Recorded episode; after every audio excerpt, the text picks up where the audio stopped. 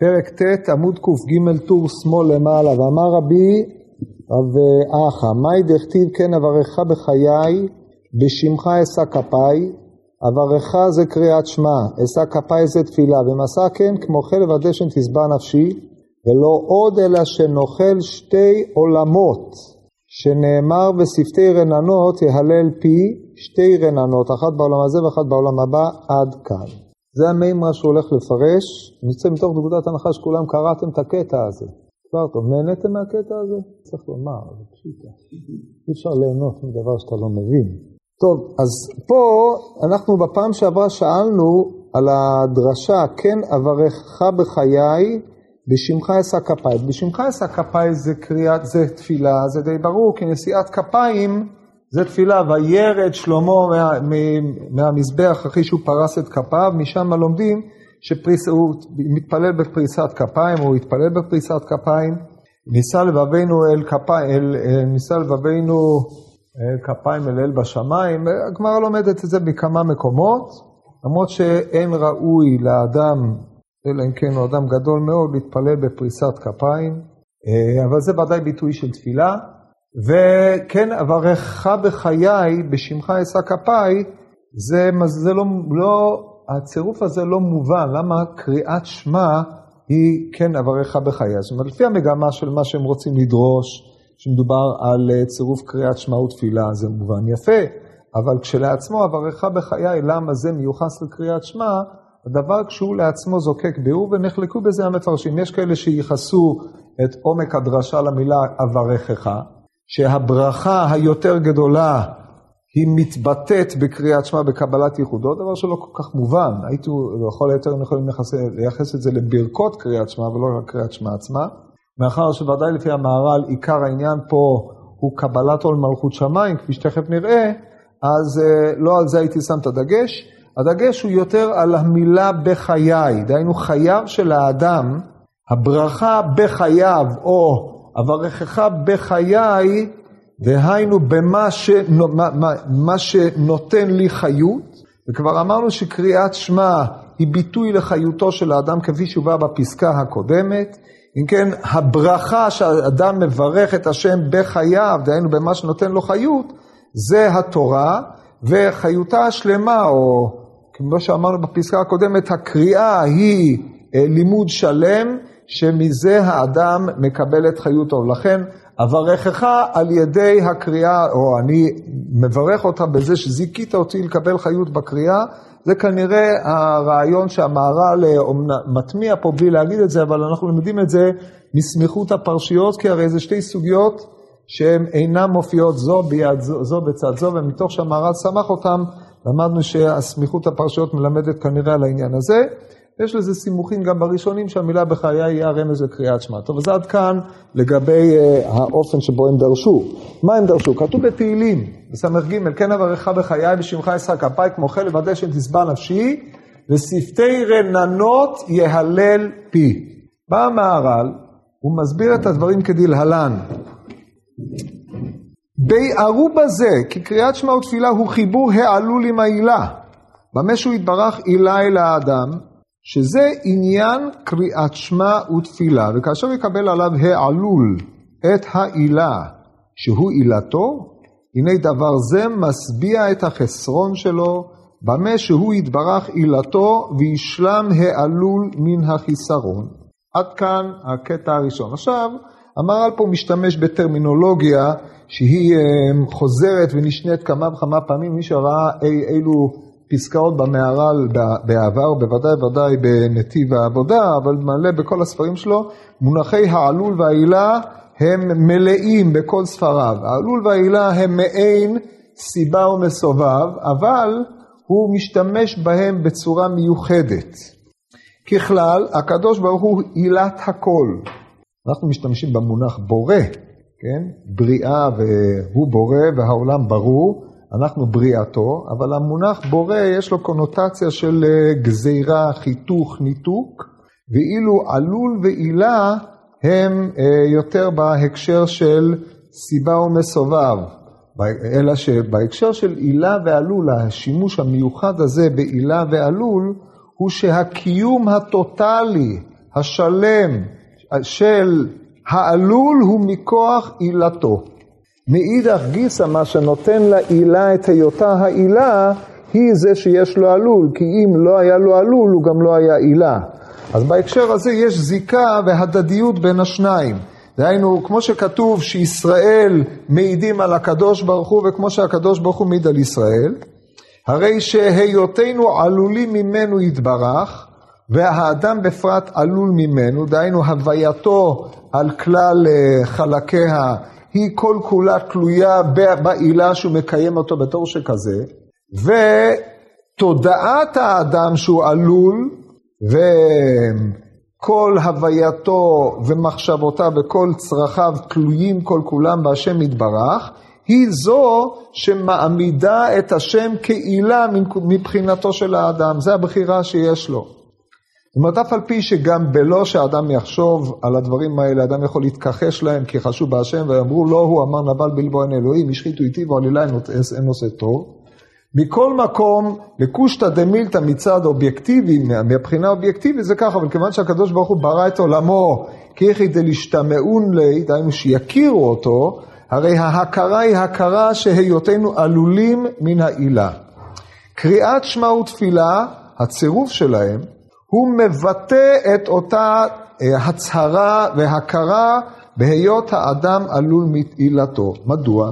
מפני שקריאת שמע, קבלת עול מלכות שמיים, הכרה שאין עוד מלבדו, אין מצוי אמת כמותו, ככה הרי אנחנו אומרים, בהשם אחד אין עוד מלבדו, אין מצוי אמת כמותו, וכל הנבראים בעולם לא נבראו אלא מאמיתת הימצאו, ובפרט האדם המצהיר כן, והתפילה שהיא תודעת התלות המוחלטת של צרכיו של האדם בהשם יתברך, שכל צרכינו וכל ענייננו משתלמים או מתקיימים או מתמלאים מהשם יתברך. נמצא שיש פה שתי בחינות, הבחינה האחת היא הצהרת אחדותו, היותו מלך עלינו באשר הוא גוזר גזרות שאנחנו מחויבים בהן, זה קבלת עול מצוות, והדבר השני זה האפשרות שלנו לממש את תפקידנו כעבדי השם, כמי שמכירים בזה שיש לנו עול מצוות בעולם הזה, היא על ידי זה שהוא משלים אותנו, וזה עניינה של התפילה. אז עכשיו תראו איך הוא כותב את זה בקצרה, והדברים הללו הולכים ומתפרטים בהמשך. כותב המהר"ל בעירוב הזה כי קריאת שמע ותפילה היא חיבור העלול עם העילה. במה? החיבור הזה זה יצירת הדבקות. ברגע שהעלול מחובר עם העילה, אז מתבטאת היותו עלול ומתבטא העילה שבעילה, או ההכרה בזה שהעילה היא העילה. זה המשמעות של חיבור עלול עם עילתו.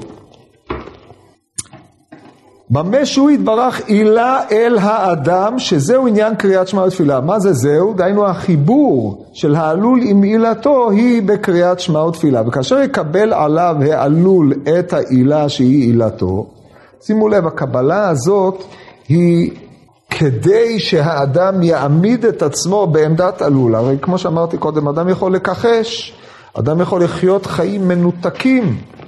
כאילו, אה, כאילו אה, יאמרו, כמו שכתוב, עזב השם את הארץ, אין השם רואה, או כמו שכתוב בחבקוק, ותעש אדם כדגי הים, ומנותק לחלוטין מהשם יתברך. האם אז לא נאמר שהשם עילתו? בוודאי שנאמר.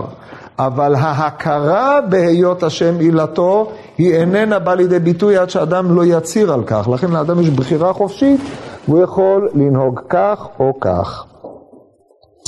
וכאשר יקבל, זה הקבלה הזאת, יקבל עליו העלול את העילה, שהוא עילתו, שימו לב גם למשפט.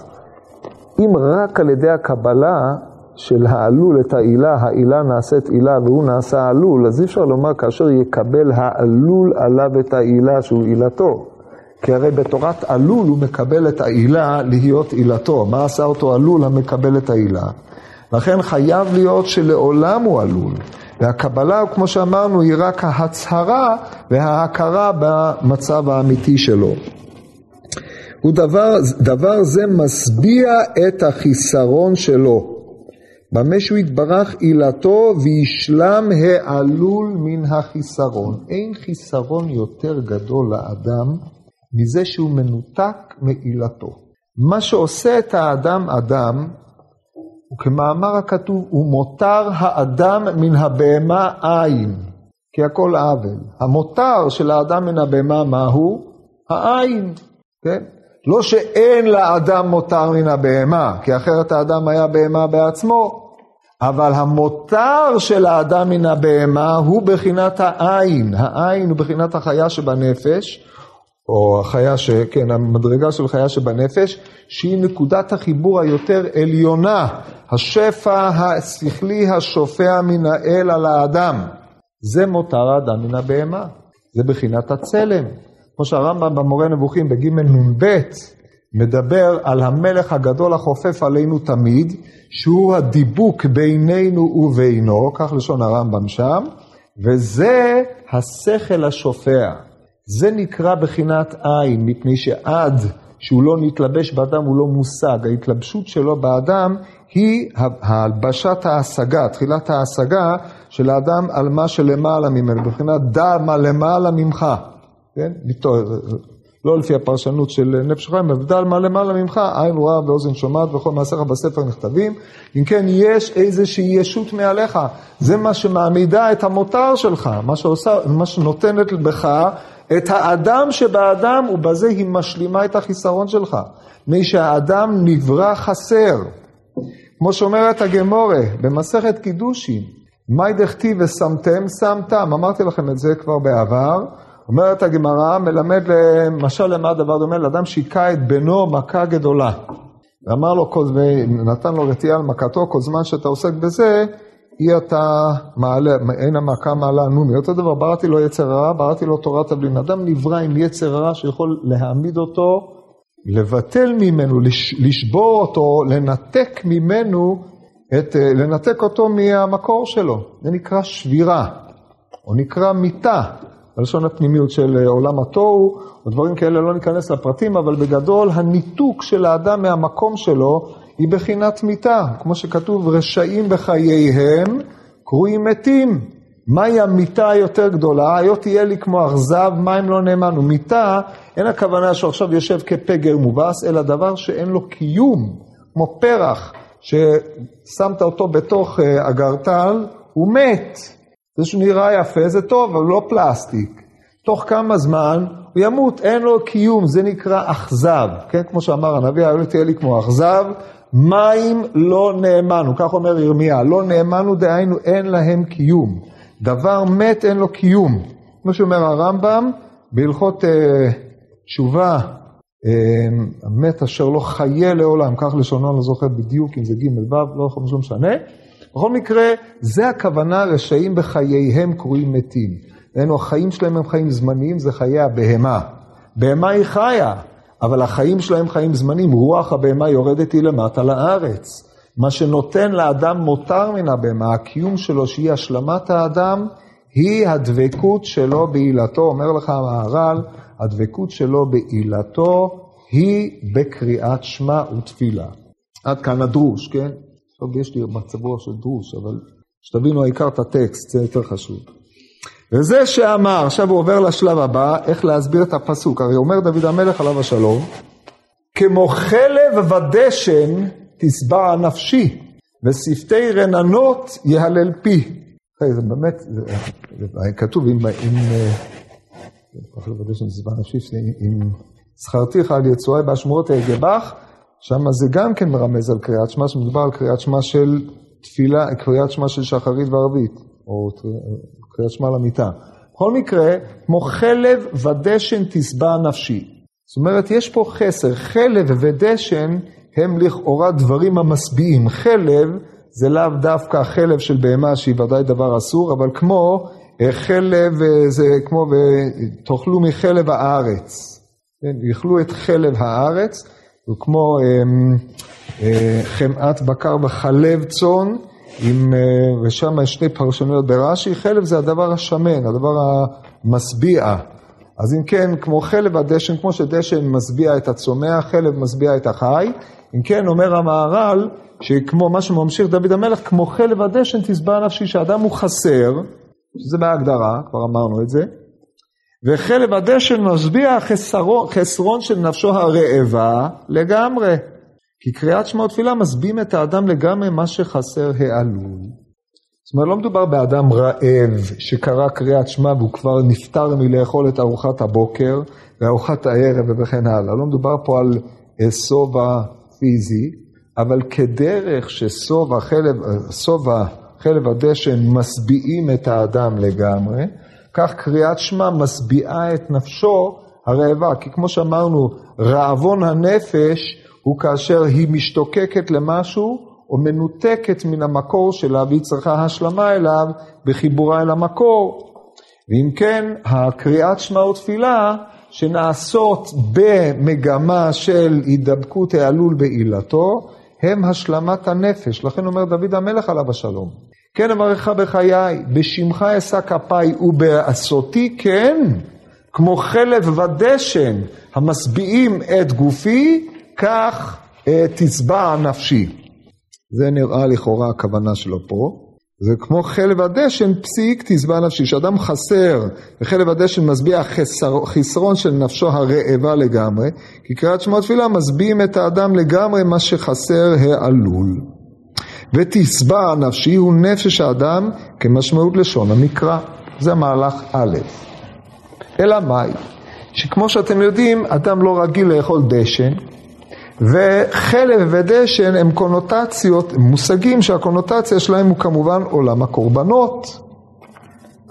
אז אנחנו צריכים לפרש פירוש אחר, זה הפירוש השני של המהר"ל, הוא עולה לאותו עניין, אבל הוא יותר סתום, ואם נאמר זה על השם יתברך, או אם נאמר זה על השם יתברך.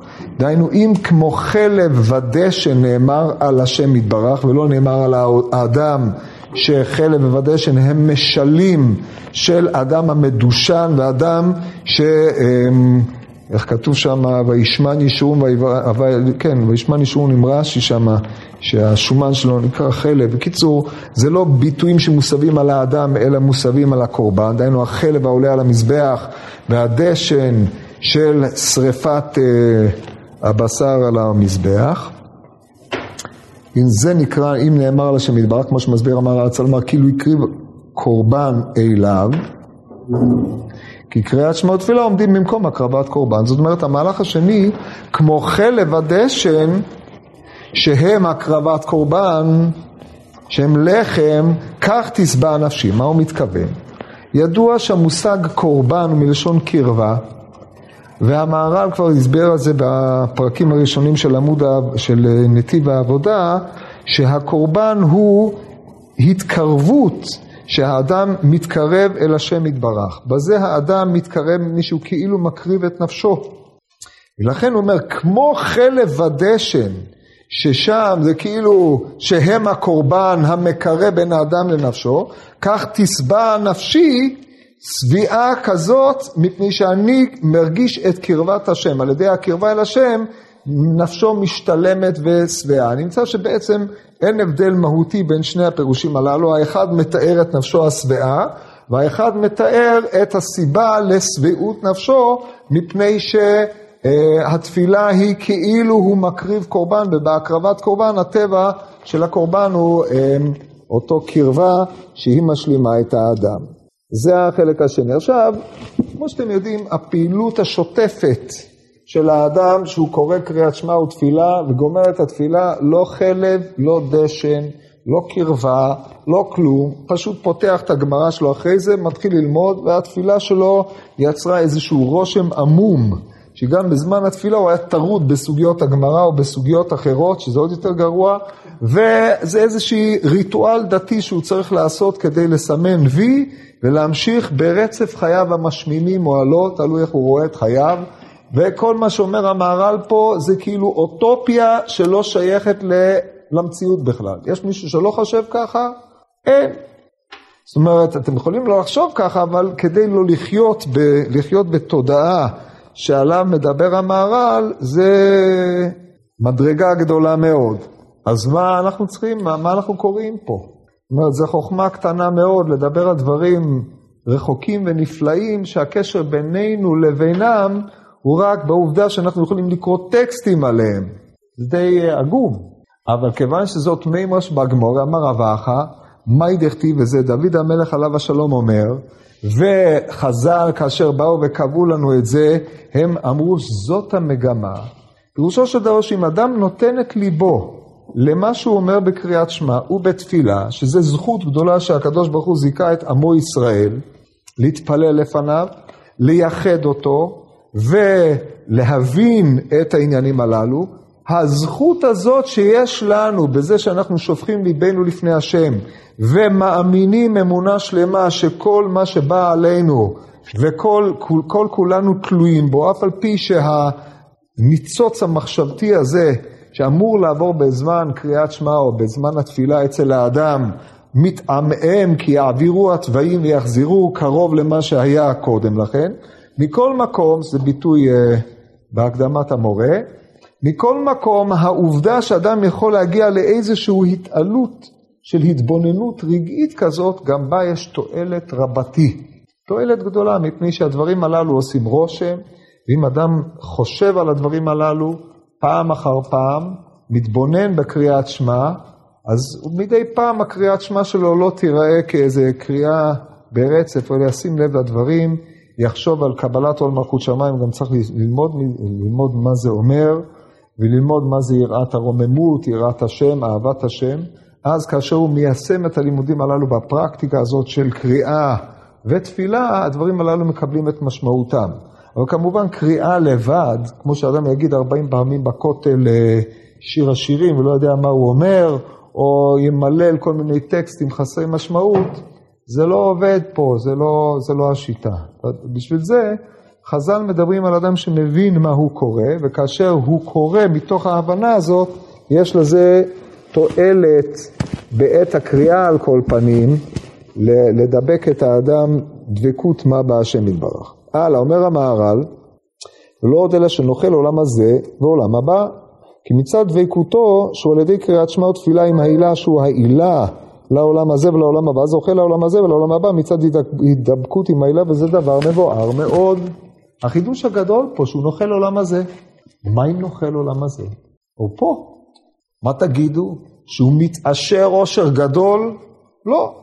הרי חזינן שאנשים קראו קריאת שמע כל ימיהם והיו עניים מרודים כל ימיהם. אז בשלום העולם הבא אני מבין, כמו קיום כל המצוות, כי כל מצווה שאתה מקיים, שכרה לעולם הבא, והרי כתוב שכר מצווה בהאי עלמא ליקה. אז קיום מצוות קריאת שמע ומצוות תפילה ודאי לא מעניקה לו שכר. מה תגידו? פירות? אלו מצוות שיש להם, אה, אלו מצוות שהקרן קיימת לעולם הזה, אה, אה, שהקרן קיימת לעולם הבא, אוכל, אדם אוכל פירותיהם בעולם הזה והקרן קיימת לעולם הבא, זה רק מצוות כאלה שהוא מיטיב לאחרים. קריאת שמע בינו לבין קולנו. אז מה פירוש נוכל שני עולמים, עולם הזה ועולם הבא, שאני אומר שפתי רננות? מה הפשט? יותר חשוב השאלה מהתשובה, ויותר חשוב, תשאלו שאלות כאלה. כן, צריך להיות קצת חצוף. כבר ידוע שאדם צריך אה, להשתמש בכל המידות שיש בו, לדעת להוציא אותן בכל המקום. כמו מידת האפיקורסות, זה מפורסם בשם הגר"ח זצ"ל, שמידת האפיקורסות אתה צריך לדעת להפעיל אותה במקומות המתכונים, במקומות הלא נכונים. כן, בדרך כלל זה עובד הפוך, אנשים מפעילים אותה במקומות הלא נכונים, והם פתאים גמורים במקומות הנכונים, הלא נכונים. פה כשאתה אומר את זה, אז אתה אומר, רבינו, אנחנו מכבדים, אנחנו מאמינים לכל מה שאתה אומר, כתלמיד הבטל בפני רבו, אבל לא הביישן למד, ואנחנו שואלים, מה הפירוש? גם אם אתה לא יודע לענות על זה, זה רק תתלה את חוסר ההבנה בך, שזה בחזקה של תמיד זה נכון. אבל אחרי ככלות הכל צריך להבין. אז לכן זו שאלה מהסוג השאלות שתמיד תרגילו את עצמכם לשאול, והתשובה היא כמובן, מתוך מה שאמרתי קודם, נגזרת בפשיטות. מפני שאינם דומים חיי העולם הזה לחיי העולם הבא אמת. אבל גם בחיי העולם הזה אדם יכול לחיות אותם כאילו הוא בגלות, הוא יכול לחיות אותם כאילו קיבל נחלה, כמו שכתוב, כל המשמר את השבת, זוכה לנחלה שלא מצרים, שנאמר, ואכלתיך נחלת יעקב אביך, כך אומרת הגמרא בשבת, כן, מלבד שזה שכתוב בנביא. הנחלה היא גם בעולם הזה, העולם הזה שאדם חי אותו כאשר הוא נמצא בקרבת השם, כאשר יש משמעות לחיים שלו, כאשר הוא מבין שהרפת כדעדו עליי הוא זה איזשהו שיח בינו לבין הקדוש ברוך הוא, החסרונות שלו נועדו כדי להשלים, ובדיוק אה, קראתי היום בדרשות, דרשת ארי בלאזר, שאתם לא יודעים מי הוא כנראה, אבל הוא היה גאון עולם, בעל מחבר ספר כוכבי אור, שנתפס בספר אור ישראל, שמעתם על זה? טוב, לפחות אני אחלק לכם כמה ידיעות על ספרים. רבי ישראל מסלנט, שמעתם עליו, כן? מאי סלח ועניינים. אז הוא לא כתב הרבה, קונטרס בשם תבונה, אבן ישראל וכמה פלפולים, וליקטו תלמידיו אוסף מהמכתבים שלו בשם אור ישראל. והתלמיד המלקט היה גאון גדול בשם רבי יצחק בלזר, בעל המחבר שו"ת פרי יצחק. זה שו"ת למדני מאוד. והוא שם בסוף, אה, כיוון שהקיבוץ לא עלה יותר, לא, זה לא הרבה, כמה עמודים משם, אז הוא הוסיף תוספת שזה אוסף דרושים על דרושי הריסלנטר בשם כוכבי אור. ושם בדרוש, אה, אחד הדרושים, אני חושב דרוש ט', זה מה שקראתי היום נראה לי, בדרוש ט' הוא דן על השאלה, בין השאר, הוא מעלה שם דיון מעניין, כאשר תמצית הטענה שלו היא שהחסרונות שאדם מרגיש, או הרווחים שאדם מרגיש בחיי העולם הזה, שחסרונה מביא אותו להתפלל, זה כדי שאדם יכיר בטובותיו של הקדוש ברוך הוא עליו. כדי שאדם יכיר שהקדוש ברוך הוא משפיע לו טוב, מיטיב עמו, הוא גם צריך ליהנות מענייני עולם הזה. לצורך גבוה כמובן, לפי מה שהוא מגדיר שם, אבל ההנאה מן העולם הזה היא זו שמאפשרת את האדם להכיר בטובותיו של הקדוש ברוך הוא גם ברמה הפשוטה. כן, לא מדובר פה בעניינים רוחניים, אלא מדובר בעניינים פשוטים.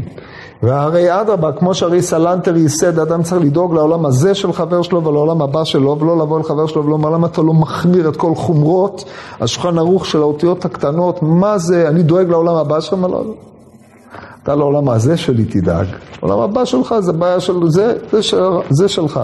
וההטבה הפשוטה שהקדוש ברוך הוא מטיב עם האדם, היא זו שמעוררת אצלו את תודעת הכרת הטוב. על דרך זה, האדם שחי בעולם, נוכל עולם הזה, זה כאשר הוא נמצא בדו-שיח עם הקדוש ברוך הוא. זאת הכוונה של המהר"ל, נוכל עולם הזה, על עולם הבא לא צריך להאריך. אומרת הגמורת, אמר אולה, כל הקורא קריאת שמע בלא תפילין כאילו מעיד עדות שקר בעצמו. כותב רש"י במקום, לישנא מעליה. כלומר, לישנא מעליה. במקום להגיד עדות שקר בקדוש ברוך הוא, אז הוא מעיד עדות שקר בעצמו. זה לישנא מעליה. רבי יחיא בר אבא אמר רבי יוחנן כאילו מקריב עולה בלא מנחה וזבח בלא נסכים. עכשיו, כמו שאתם יודעים או לא, קורבן יחיד עולה וקורבן יחיד של שלמים נתחייבו בזבח ונתחייבו בנסכים, מנחה ונסכים, כן? זה מצטרף עם הקורבן כאילו עולה בלא מנחה וזבח בלא נסכים, זה מתחדש אחרי חטא העגל, כמו שכתוב בספר במדבר פרק ט"ו, רק תבוא אל הארץ.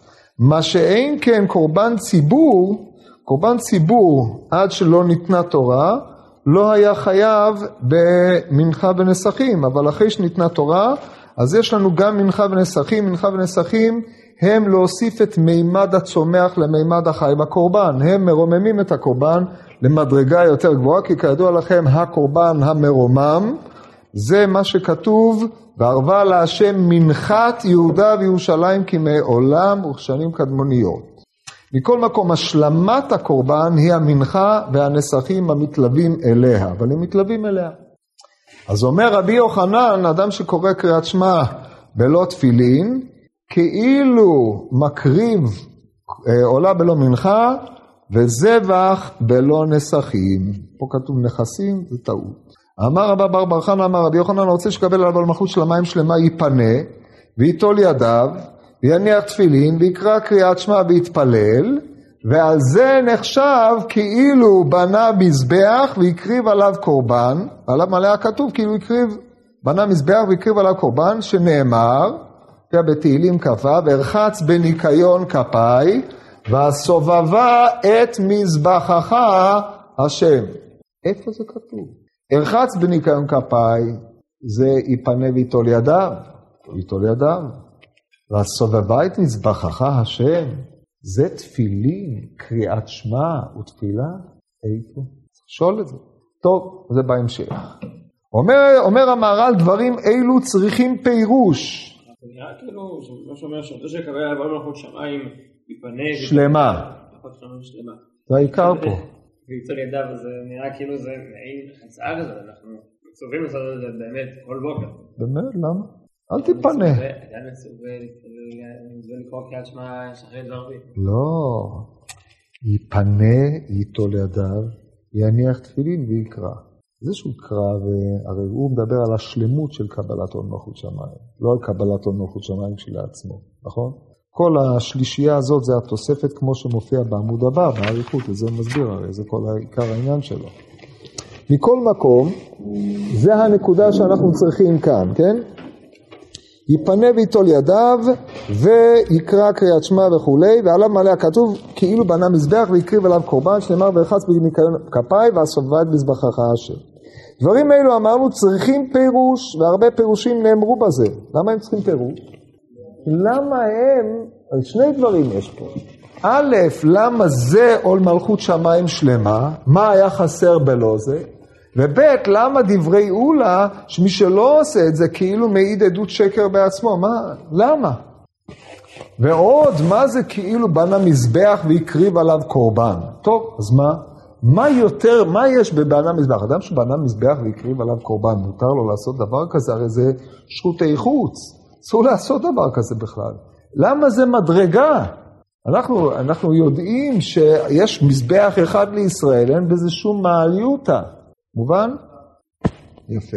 אומר המהר"ל אבל ביאור, אה, הוא אומר דבר, פה הוא אומר ככה, דברים אלו צריכים פירוש והרבה פירושים נאמרו בזה, מה שאמר כאילו מעיד עדות שקר בעצמו. ביסודו של דבר ישנם שני פירושים עקרוניים, שמתחלקים אחרי זה לעוד תתי פירושים, האחד בעצמו לישנא מעליא, זה מעיד עדות שקר בקדוש ברוך הוא, והשני בעצמו הוא מעיד עדות שקר בעצמו במה שהוא, דהיינו הוא מעיד שהוא הוא עד שקר, כן? כמו אין העדים הזוממים, אין העדים נעשים זוממים עד שיזימו את עצמן, עצמן של עדים. אומר המהר"ל, אז הרבה פירושים נאמרו, אבל ביאור דבר זה. מהי אבל? נאמרו פירושים, אבל זה הביאור, כן? לא צריך להסביר יותר מדי. אבל ביאור דבר זה, כי מי שקרא קריאת שמע, ראוי שיהיו התפילין עליו, כי על ידי התפילין שם השם נקרא עליו. דכתיב וראו כל עמי הארץ כי שם השם נקרא עליך ויראו ממכה ואמר רב אליעזר הגדול, אלו תפילין שבראש. כך אומרת הגמורת. ודבר זה ברור, כי כאשר התפילין הם על האדם נקרא כי השם יתברך הוא מלך שלו. לפיכך קיים עליו אם אדם מניח תפילין לעבדו יוצא עבד לחירות, כי כאשר התפילין עליו, הנה שם השם נקרא עליו. והשם יתברך הוא מלכו ואדונו, ואיך יהיה בשר ודם אדון שלו.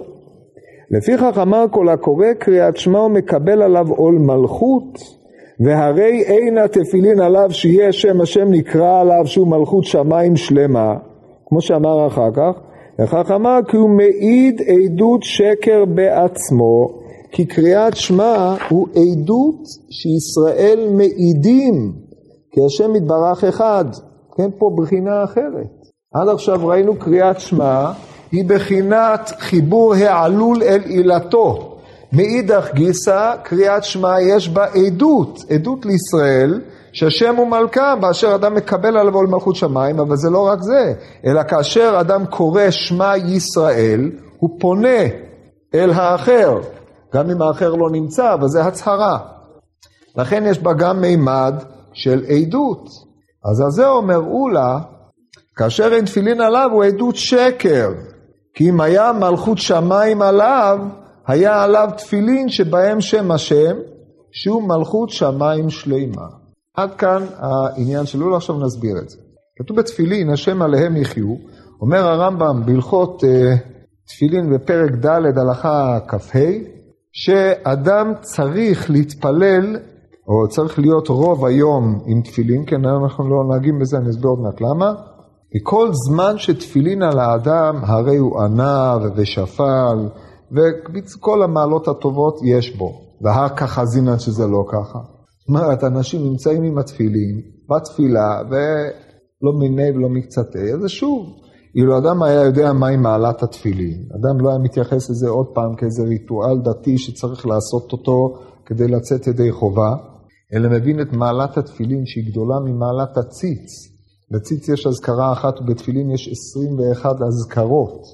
וכתוב וראו כי שם השם נקרא עליך אלו תפילין שבראש ויראו ממך התפילין שמעמידים את הבחינה של העובדה שעם ישראל מקושר אל השם, אומרת הגמרא, מה כתיב בתפילין של ישראל? יש לנו שמע ישראל השם אלוקינו השם אחד, תפילין של הקדוש ברוך הוא מי כעמך ישראל גוי אחד בארץ. תפילין זה לשון חיבור, כמו נפתולי אלוקים נפתלתי עם אחותי גם יכולתי, זה נקודת החיבור שבין אדם לבין בורו, זה מעמיד את השפע.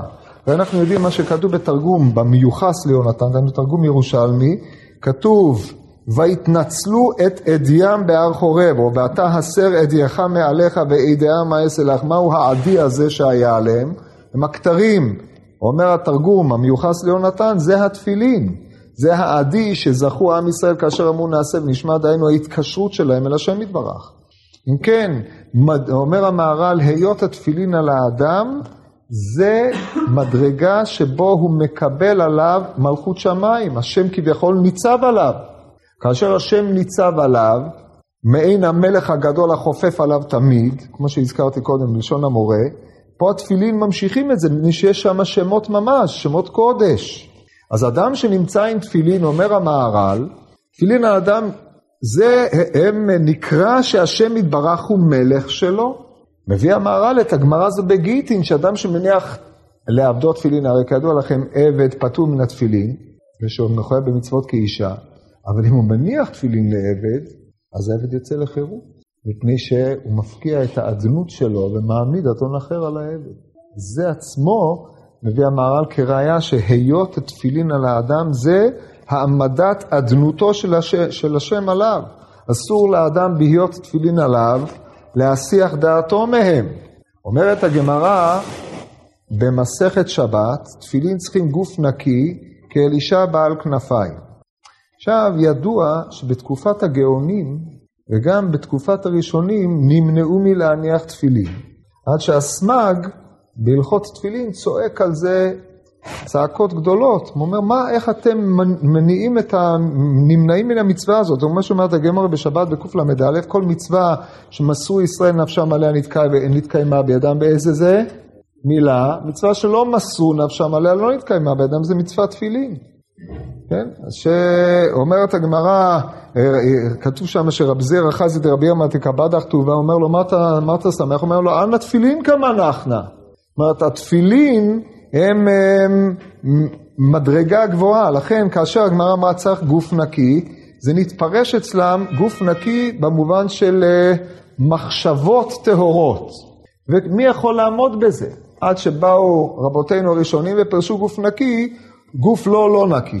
כן, דהיינו מבחינה פיזיולוגית, שיהיה נקי, פשוט, כמו שאנחנו מברשים. אף על פי כן, אימת התפילין הילכה על הבריות, ולכן צמצמו את זה בתקופות מאוחרות יותר רק לזמן שבו אדם מתפלל, קורא קריאת שמע, וכל מי שלא עשה כן, אמרו, הוא נוהג ביוהרה ועוד אי, אילו עניינים כאלה. אבל זה הרעיון של תפילין. אומר המהר"ל אם כן, שמי שתפילין עליו, תפילין הן מביעות את היותו מקבל עליו עול מלכות שמיים. ואז ממשיך המהר"ל, לפיכך אמר כל הקורא קריאת שמע ומקבל עול מלכות שמיים, והרי אין התפילין עליו שיהיה שם השם נקרא עליו, שהוא מלכות שלמים שלמה. אם קריאת שמע יש בה בחינת עדות, אדם שמעיד בעצמו שהוא מקבל עליו עול מלכות שמיים כאשר אין שם שמיים נקרא עליו, זה עדות שקר. בעצמו הזמתו נמצאת בידו, איפה התפילין שלך? באיזה סברה הוא נחלק על רבי, רבא בר בר חנא מרבי יוחנן שאמר זה לא קבל מלכות של המים שלמה. והוא אומר, זה מדברים על אותו מקרה, הוא אומר כאילו מעדות שקר בעצמו, והוא אומר, זה לא מלכות שמיים שלמה. במה נחלקו? אז זה הפעם הבאה בעזרת השם.